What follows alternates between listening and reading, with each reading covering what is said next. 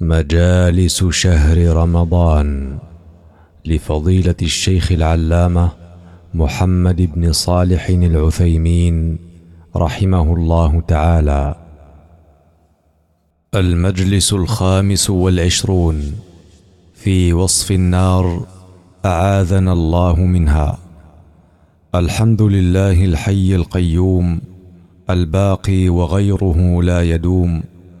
رفع السماء وزينها بالنجوم وامسك الارض بجبال في التخوم صور بقدرته هذه الجسوم ثم اماتها ومحى الرسوم ثم ينفخ في الصور فاذا الميت يقوم ففريق في دار النعيم وفريق في نار السموم تفتح ابوابها في وجوههم لكل باب منهم جزء مقسوم وتوصد عليهم في عمد ممدده فيها للهموم والغموم يوم يغشاهم العذاب من فوقهم ومن تحت ارجلهم فما منهم مرحوم واشهد ان لا اله الا الله وحده لا شريك له شهاده من للنجاه يروم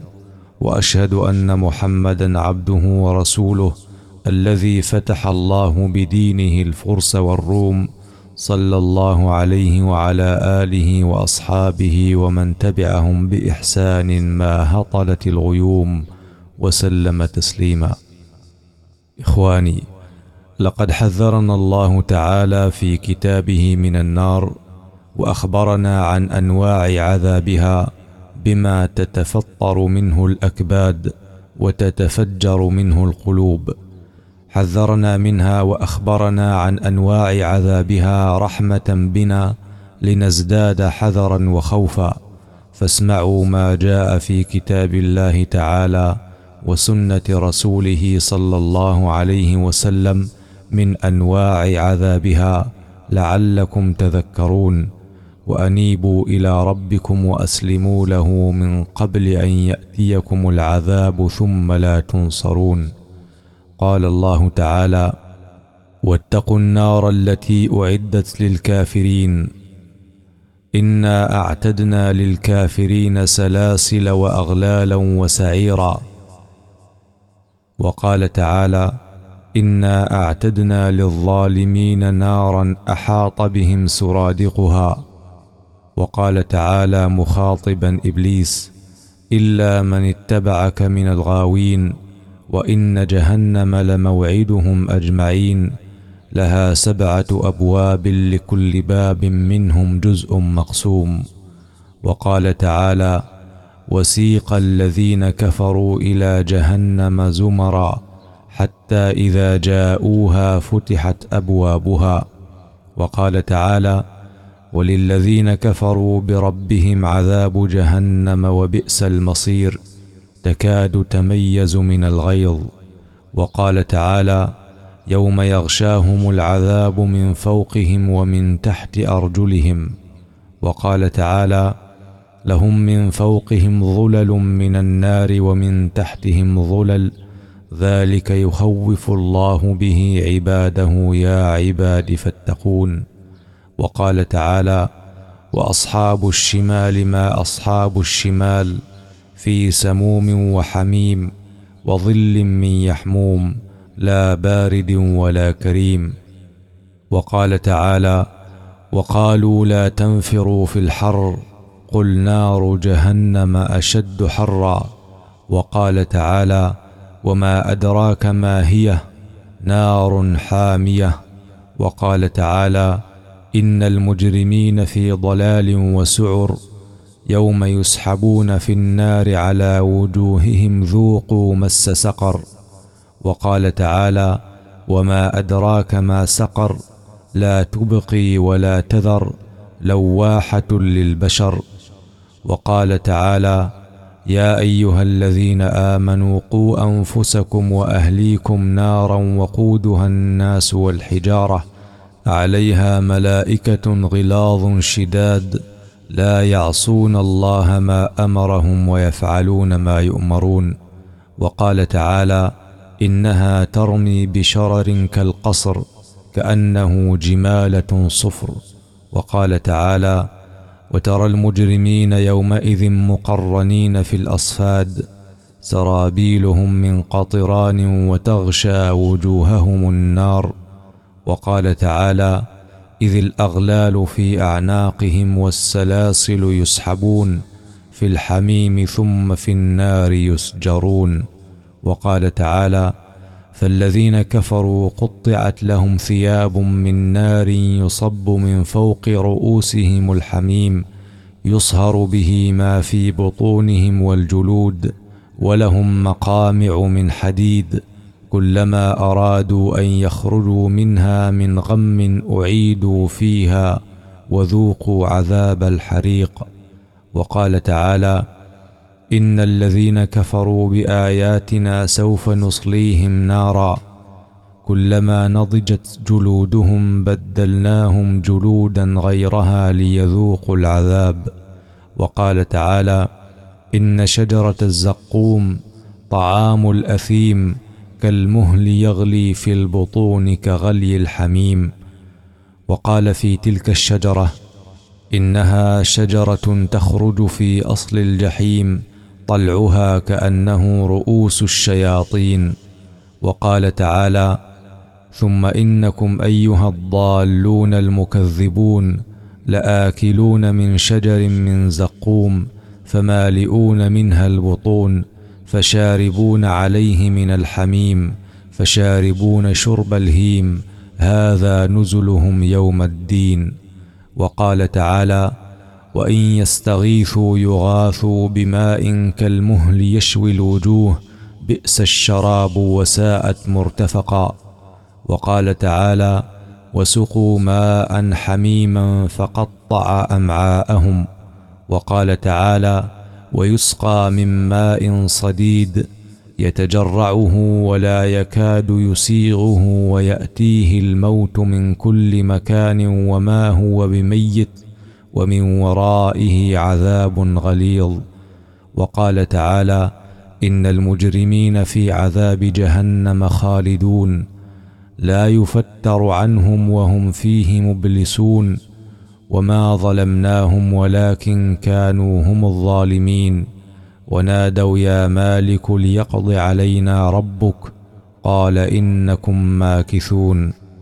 وقال تعالى ماواهم جهنم كلما خبت زدناهم سعيرا وقال تعالى ان الذين كفروا وظلموا لم يكن الله ليغفر لهم ولا ليهديهم طريقا الا طريق جهنم خالدين فيها ابدا وكان ذلك على الله يسيرا وقال تعالى وحيل بينهم وبين ما يشتهون كما فعل باشياعهم من قبل انهم كانوا في شك مريب وقال تعالى ومن يعص الله ورسوله فان له نار جهنم خالدين فيها ابدا وقال تعالى وما ادراك ما الحطمه نار الله الموقده التي تطلع على الافئده انها عليهم مؤصده في عمد ممدده والايات في وصف النار وانواع عذابها الاليم الدائم كثيره اما الاحاديث فعن عبد الله بن مسعود رضي الله عنه ان النبي صلى الله عليه وسلم قال يؤتى بالنار يوم القيامه لها سبعون الف زمام مع كل زمام سبعون الف ملك يجرونها رواه مسلم وفي الصحيحين عن ابي هريره رضي الله عنه ان النبي صلى الله عليه وسلم قال ناركم هذه ما يوقد بنو ادم جزء واحد من سبعين جزءا من نار جهنم قالوا يا رسول الله انها لكافيه قال انها فضلت عليها بتسعه وستين جزءا كلهن مثل حرها وعنه رضي الله عنه قال كنا عند النبي صلى الله عليه وسلم فسمعنا وجبه فقال النبي صلى الله عليه وسلم اتدرون ما هذا قلنا الله ورسوله اعلم قال هذا حجر ارسله الله في جهنم منذ سبعين خريفا يعني سبعين سنه فالان حين انتهى الى قعرها رواه مسلم وقال عتبه بن غزوان رضي الله عنه وهو يخطب لقد ذكر لنا ان الحجر يلقى من شفير جهنم فيهوي فيها سبعين عاما ما يدرك لها قعرا والله لتملأن أفعجبتم رواه مسلم وعن ابن عباس رضي الله عنهما أن النبي صلى الله عليه وسلم قال لو أن قطرة من الزقوم قطرت في دار الدنيا لأفسدت على أهل الدنيا معايشهم رواه النسائي والترمذي وابن ماجه وعن النعمان بن بشير رضي الله عنه ان النبي صلى الله عليه وسلم قال ان اهون اهل النار عذابا من له نعلان وشراكان من نار يغلي منهما دماغه كما يغلي المرجل ما يرى ان احدا اشد منه عذابا وانه لاهونهم عذابا رواه مسلم وللبخاري نحوه وعن انس بن مالك رضي الله عنه ان النبي صلى الله عليه وسلم قال يؤتى بانعم اهل الدنيا من اهل النار فيصبغ في النار صبغه ثم يقال يا ابن ادم هل رايت خيرا قط هل مر بك نعيم قط فيقول لا والله يا رب ويؤتى باشد الناس بؤسا في الدنيا من اهل الجنه فيصبغ صبغه في الجنه فيقال يا ابن ادم هل رايت بؤسا قط هل مر بك من شده قط فيقول لا والله يا رب ما رايت بؤسا ولا مر بي من شده قط رواه مسلم يعني ان اهل النار ينسون كل نعيم مر بهم في الدنيا واهل الجنه ينسون كل بؤس مر بهم في الدنيا وعنه رضي الله عنه ان النبي صلى الله عليه وسلم قال يقال للرجل من اهل النار يوم القيامه ارايت لو كان لك ما على الارض من شيء اكنت تفتدي به فيقول نعم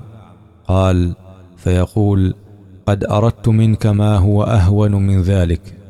قد اخذت عليك في ظهر ادم الا تشرك بي شيئا فابيت الا ان تشرك بي رواه احمد ورواه البخاري ومسلم بنحوه وروى ابن مردويه عن يعلى بن منيه وهو ابن اميه ومنيه امه قال ينشئ الله لاهل النار سحابه فاذا اشرفت عليهم ناداهم يا اهل النار اي شيء تطلبون وما الذي تسالون فيذكرون بها سحائب الدنيا والماء الذي كان ينزل عليهم فيقولون نسال يا رب الشراب فيمطرهم اغلالا تزيد في اغلالهم وسلاسل تزيد في سلاسلهم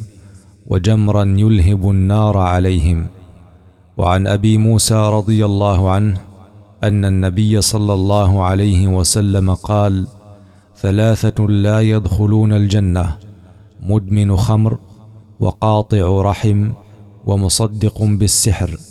ومن مات مدمن الخمر سقاه الله من نهر الغوطه قيل وما نهر الغوطه قال نهر يجري من فروج المومسات يؤذي اهل النار ريح فروجهن رواه احمد وفي صحيح مسلم عن جابر بن عبد الله رضي الله عنهما ان النبي صلى الله عليه وسلم قال ان على الله عهدا لمن شرب المسكرات ليسقيه من طينه الخبال قالوا يا رسول الله وما طينه الخبال قال عرق اهل النار او عصاره اهل النار وفي الصحيحين عن النبي صلى الله عليه وسلم انه قال يقال لليهود والنصارى ماذا تبغون فيقولون عطشنا ربنا فاسقنا فيشار اليهم الا تردون فيحشرون الى جهنم كانها سراب يحطم بعضها بعضا فيتساقطون في النار قال الحسن ما ظنك بقوم قاموا على اقدامهم خمسين الف سنه لم ياكلوا فيها اكله ولم يشربوا فيها شربه حتى انقطعت اعناقهم عطشا واحترقت اجوافهم جوعا ثم انصرف بهم الى النار فيسقون من عين انيه قد آن حرها واشتد نضجها وقال ابن الجوزي رحمه الله في وصف النار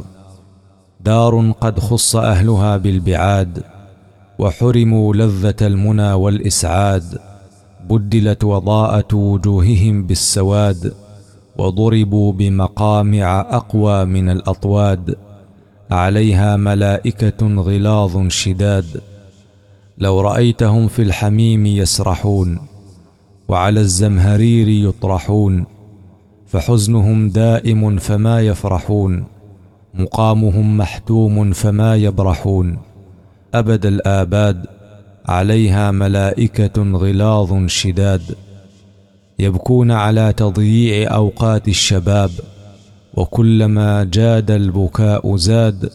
عليهم ملائكه غلاظ شداد يا حسرتهم لغضب الخالق يا محنتهم لعظم البوائق يا فضيحتهم بين الخلائق على رؤوس الاشهاد